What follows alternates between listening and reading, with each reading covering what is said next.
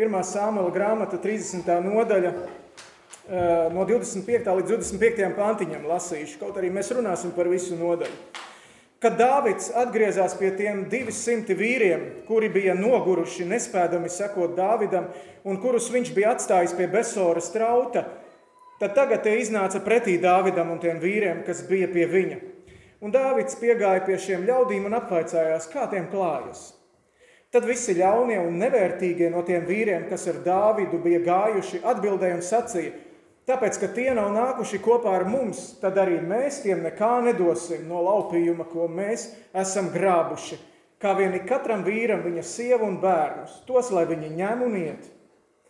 Bet Dāvids sacīja, tā gan jums, mani brāļi, nekrāj, neklājas rīkoties ar to, ko tas kungs mums devis. Taču viņš mūs ir pasargājis, un viņš ir devis mūsu rokā iebrucēju pulku, kas pie mums bija ielauzies. Un kas gan jums šī lietā klausīt? Jo kāda daļa ir tiem, kas gājuši cīņā, jo kāda daļa ir tiem, kas gājuši cīņā, tāda pati daļa pienākas tiem, kas palika pie mantām. Tie kopīgi, lai dalās. Un tas no tās dienas tā joprojām palicis un ir padarīts par likumu un par tiesu Izrēlā līdz pat šai dienai. Āmen. Paldies, Tev, Jēzu, par šiem senajiem vārdiem. Mēs lūdzam gudrību pārtulkot to mūsu situācijās, kurās mēs katrs savā dzīvē šodien esam. Runā un mēs gribam klausīties. Āmen. Lūdzu, varat apsēsties.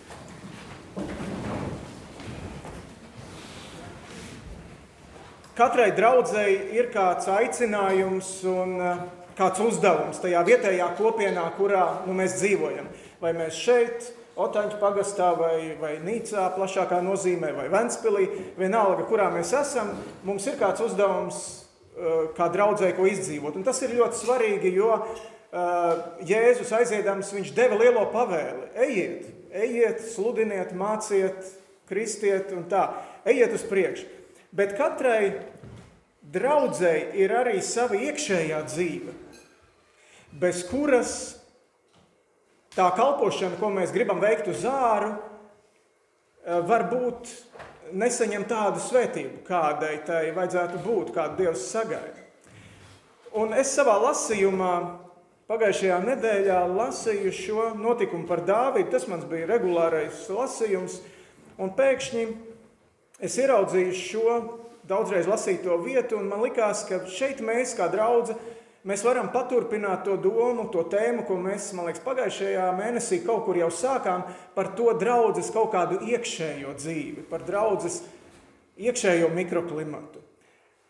Un es atkal gribu teikt, nekas nav noticis. Ja? Neviens man nav par ko sūdzējies šajā jautājumā, bet tas ir vairāk tā kā profilaktiski.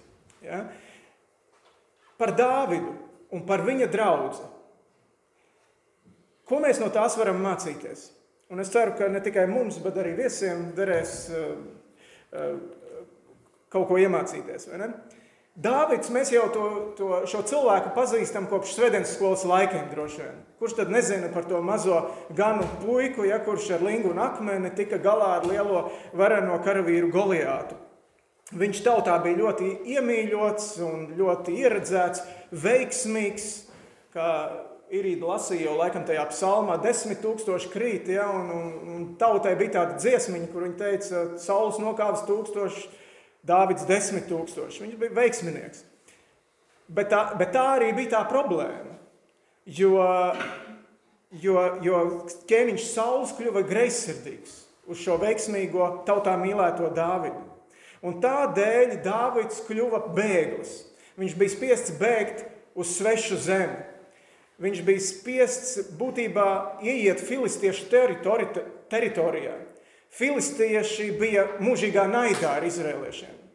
Bet viņam labāk bija tur pie tiem naidniekiem nekā mājās, kur saules viņu vajāja. Iespējams, ka tā bija arī kaut kāda nu, politika, ja? Izdevu, izdevīguma koalīcija no filistiešu puses. Nu kā, ja mana ienaidnieka ienaidnieks taču ir mans draugs, tā varētu būt. Ja, tātad, ja Dāvids ir ienaidā ar saulu, tad Dāvids, eh, Dāvidam šis eh, filistiešu valdnieks dod ciklāgu tādu pilsētu, kas ir tuvu pie jūdejas robežas. Viņš saka, te tu vari dzīvot ar visiem saviem cilvēkiem. Mēs lasām Bībelē drusku iepriekš, ka ap Dāvidu sapulcējas 600 uh, vīru, liels kontingents. Viņi ir tādi ārpus likuma izsludināti. 22. nodaļā, 2. pantiņā, un pie viņa, pie Dāvida, sapulcējās visi vīri, kas bija apspiesti, un visi, kam bija daudz parādu, un visi, kuriem bija rūkums sirdī. Un viņš tiem kļuva par vadoni tā, ka pie viņa bija ap 400 vīru. Nu, te ir tātad pa šīm dažām nodaļām pieaugums vēl veidojies, un šī vietā jau viņam ir 600 vīru. Tāda ir Dāvida draudzene. Sarūktināti, dzīves sisti cilvēki, kas sapulcējas un iet sirojumos. Un te mēs varam tikai atbrīvot tās Dāvida spējas savākt šādu, uztaisīt no tās kaut kādu jēdzīgu armiju. No labiem cilvēkiem jau ir grūti uztaisīt tādu disciplinētu un kaujas spējīgu armiju. Un kur nu vēl no šāda kontingenta? Bet šķiet, ka Dāvids viņos ieguldīja, un vēlāk Tas, tas var būt mājas darbs. Jūs varat izlasīt otrajā samuēlā grāmatā jau, eh, man šķiet, ap 20. nodaļām, 23. varbūt, kur ir, kur ir uzskaitīts vai stāstīts par šiem vīriem, kādi viņi ir varoņi, kādi ir viņu, viņu varoņu darbi. Uz viņiem Dāvids varēja paļauties. Visa Dāvida ķēniņa valsts pēc tam uz šiem salašņām, faktiski, kas viņa sākotnēji bija, visa Dāvida ķēniņa valsts varēja paļauties balstīties uz viņu lojalitāti, uz viņu prasmēm. Svētīga, es domāju, ir tā sabiedrība, tā valsts, un tā skaitā arī tā draudzene, kur vadītājam ir šāda autoritāte un šāda mīlestība pret savu, pret savu ganāmpulku, tā kā Dāvidam bija acīm redzot. Svētīga tā tauta, svētīga tā draudzene, kura iet šādā izaugsmas perspektīvā. Mēs bijām tādi, Ar mums notika tas, mēs bijām sarūktināti, mēs bijām dzīves sasisti, mēs, mēs bijām naidā. Bet tad tu redzi, ka ir kāds ceļa gabals noiets, un tie ir izauguši par kārtīgiem dievu vīriem. Tā ir spēcīga draudzene. Svētīga tā draudzene, kurai ir šāda perspektīva. Acu priekšā. Filistieši iet cīnīties. Pret ko? Pret Dāvidu tautu. Un Dāvids tā kā dzīvo viņa teritorijā, Dāvids saka, es iešu kopā ar tevi. Filistiešu tie uh, karavadoņi tie saka, nē, nē, nē, mēs izbrāķēsim Dāvidu. Dāvids, ka viņš kaujas karstumā, ka viņš nepagriež tos ieročus pretējā virzienā. Un Dāvids izbrāķēts, viņš dodas atpakaļ. Viņš dodas atpakaļ uz savu pilsētu, un tad, kad viņš nonāk atpakaļ šajā ciklagā, viņi konstatē, ka, tā, ka tajā pilsētā ir iebrukuši amalekieši, tur ir vēl kāda tauta kaimiņos, un to pilsētu ir izlaupījuši, visus aizveduši gūstā, un pilsēta ir nodedzināta ar uguni. Sievas, bērni, lopi, mājas, viss pazaudēts. Cauri, nekā vairs nav. Tas ir sitiens no negaidītas puses šiem cilvēkiem.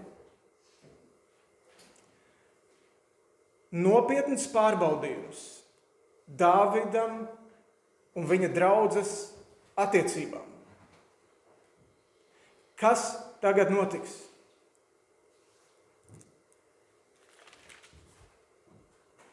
Tad Dārvids ar saviem vīriem, kas bija pie viņa, pacēla savu balsi un sāka skaļi raudāt, kamēr tiem vairs nebija spēka raudāt. Un tāds sestais pāns arī pats Dārvids nonāca lielās briesmās, jo ļaudis taisījās viņu nomētāt ar akmeņiem.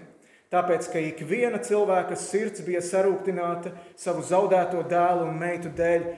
Šie cilvēki, kas ir ap, ap, ap Dāvidu, viņi vēl joprojām ir banda. Viņi nav izauguši vēl par kārtīgiem varoņiem. Un Dāvids ir lielās sprukās. Mūsu draudzes, mīļie, arī var tikt pārbaudītas visdažādākajos veidos. Es domāju, nu, kaut vai tā pandēmija, kas uh, nesen te notika, kāda tur nebija šķelšanās, kādi nebija apvainojumi citam uz citu. Grupējumi veidojās. Tagad mums tas varbūt liekas smieklīgi, nu kā mēs tā varējām uz to grābekli uzkāpt. Un tomēr tas bija reāli. Draudzes šķēlās. Dāvida gadījumā viņa draudzene vainoja pašu Dāvidu. Un tas liekas absurdi. Nu, Dāvids taču bija ar jums, tur projām. Dāvids nav ne pie kā vainīgs, ka šeit ir iebrukuši iebrucēji un, un nodarījuši pāri mums. Tā draudzene nemeklēja risinājumu. Tajā brīdī draudzene meklēja grēkāzi. Un, kā mēs zinām, kritizēt un aprunāt, tas ir varbūt visvienkāršākais, ko mēs varam darīt. Un tā tas nav nekas jauns. Izrēlieši tūkstnesī kurnēja pret Mozu un Āronu. Tāpat korintieši kurnēja pret Pāvilu, kurš bija dibinājis Korintas draugu. Un es pats esmu tāds. Es pats arī esmu kurnējis. Dāvids, Dāvidam šis ir kritisks brīdis. Viņš ir iedzīts tā tādā šaurumā. Un vienā lakoniskā teikumā ir tikai teikts, ka viņš gūst spēku no Dieva. Kā viņš to iegūst, šo spēku no Dieva, tas Par nožēlu šeit nav plašāk aprakstīts. Bet viņš acīm redzot, saņēma šo pasargāšanu, paņē, saņēma žēlastību. Jo šie vīri bija bīstami. Šie vīri bija bīstami, kas viņam bija apkārt. 600 bīstami vīri, bet nāve Dāvidam tika aiztaupīta. Varbūt, ka viņš šajā brīdī uzrakstīja kādu psalmu, vai par šo brīdi vēlāk. Es saku, nav tiešas atsauces psalmu grāmatā. Bet Dāvids izvaicā Dievu tajā brīdī. Viņam nav iespēja aiziet uz Jeruzalem, uz templi, bet viņš aicina priesteri un, un izvaicā, ko man darīt, dzīties pakaļ. Priesteris izjautā Dievu un saka, jā, dzenies pakaļ, būs panākums. Un viņi visi dodas pakaļ šiem, šiem, šai bandai, kas viņus ir aplaupījusi. Un 200 vīri, un tā ir viena trešā daļa no Dāvida draudzes ir tā piekusuši, ka viņi paliek pie Besoras strauta. Desmitajā pantā Dāvids ar 400 vīriem dzinās tiem pakaļ. 200 vīru bija tā piekusuši, ka tie nespēja vairs pāriet Besoras strautu un palika turpat. Viņi bija trīs dienas nākuši no tās vietas, kur eh, viņi tika izbrāķēti. Trīs dienu ceļš līdz ciklāgai, tur viņi atrodas bankrota priekšā, un pēc tam vēl kāda diena vai pusotra viņi dzenās pakaļ. Viena trešā daļa no tās draudzes bija pārgurusi un paliek pie Besoras strauta. Pārējie 400 un Dārvids dzenās tālāk, viņi pa ceļam tur saņem tādu gūstekni, un tas viņiem uzrāda vietu, kur tad amalekieši svin savu uzvaru. Un Dāvids ar tiem 400 vīriem cīnās un atgūst visu atpakaļ. Un tagad atkal viena situācija, no kuras, es domāju, mēs varam mācīties. Un tā bija tā situācija, kas mani manā lasījumā trāpīja. Viņi atgriežas atpakaļ pie tā Besoras strauta, un tie 400 bandīti, ja, kas ja, Dāvidam apkārt arī ir bandīti, faktiski, ja, tādas salasīta armija vēl joprojām, viņi saka, mēs nedosim saviem brāļiem neko, tāpēc, ka viņi necīnījās. Lai viņi paņem savas sievas, bērnus un iet laupījumus, to mēs dalīsim uz 400 tikai. Mēs taču cīnījāmies. Bet Dāvids saka, brāļi, Dievs mums deva uzvaru. Dalīsim uz 600, nevis uz 400. Katrai draudzē, kā jau sākumā teicu, ir savs aicinājums un savs uzdevums. Savā vietā, kurā mēs atrodamies, savā laikā. Un katrai draudzē ir dāvanu komplekts, lai to uzdevumu veiktu. Un katrs mācītājs var priecāties, ja draugs ir aktīva. Katrs mācītājs droši vien sapņo par aktīvu draugu. Bet vienmēr būs kāda daļa, kas nespēs. Vienmēr būs kāda daļa, kas būs noguruši. Būs nogurušie, būs satriektie, būs ievainotie.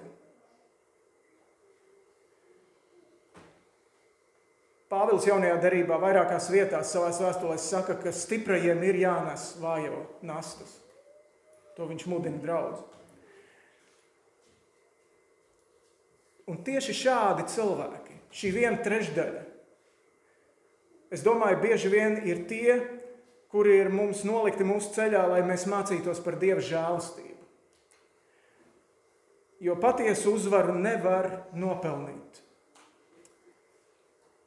Es ar šiem brīnišķīgajiem dziedātājiem spēlēju kopā no žēlastības šodien. Es neesmu bijis uz viņu smagajiem mēģinājumiem. Ja? Man tā ir žēlastība. Teodors Buļģers atveda Stanley Kausu uz Rīgu. Vīri droši vien seko līdzi, nezinu, vai sievietes arī hokejam seko līdzi.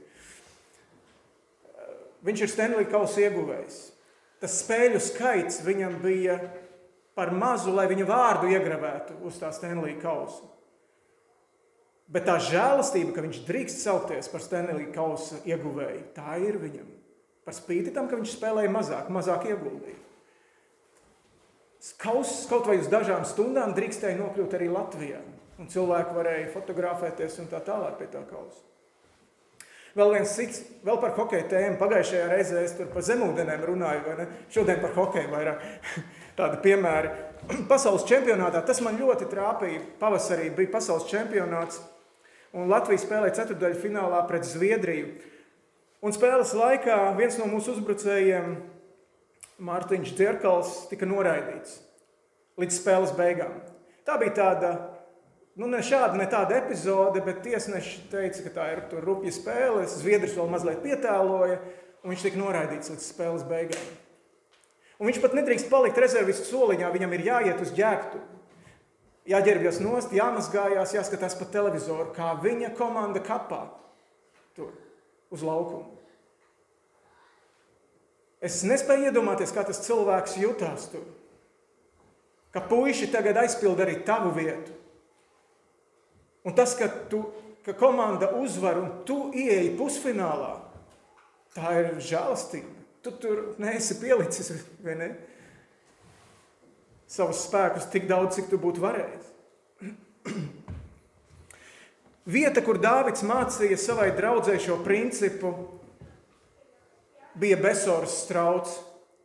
Un Bībelē, vecajā derībā, bieži vien vietu nosaukumi nāk no kaut kāda notikuma, kas tur ir noticis.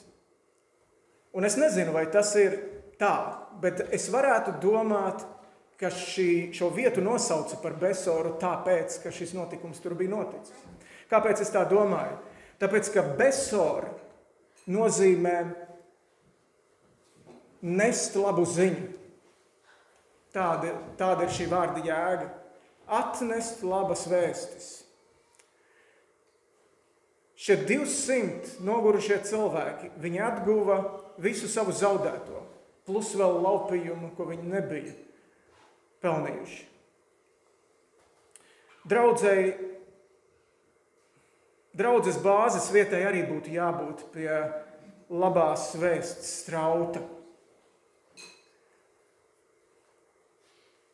Draudzē būtu jābūt vietai, kur tiek dota un tiek saņemta žēlastība.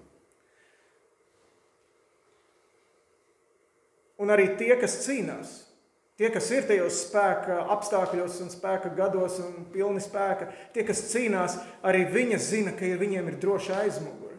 Ka ir cilvēki, kas paliek man, pie mantām un parūpējas par to, ka ir cilvēki, kas par viņiem aizlūdz, kamēr viņi ir kaujas laukā. Draudzē ir tā vieta, kurā es varu atgriezties un kur mani nekritizēs, kur nemeklēs vainīgos, bet meklēs risinājumu manai situācijai. Vieta, kur mēs panākumus un vieta, kur mēs zaudējumus dalīsim uz visiem.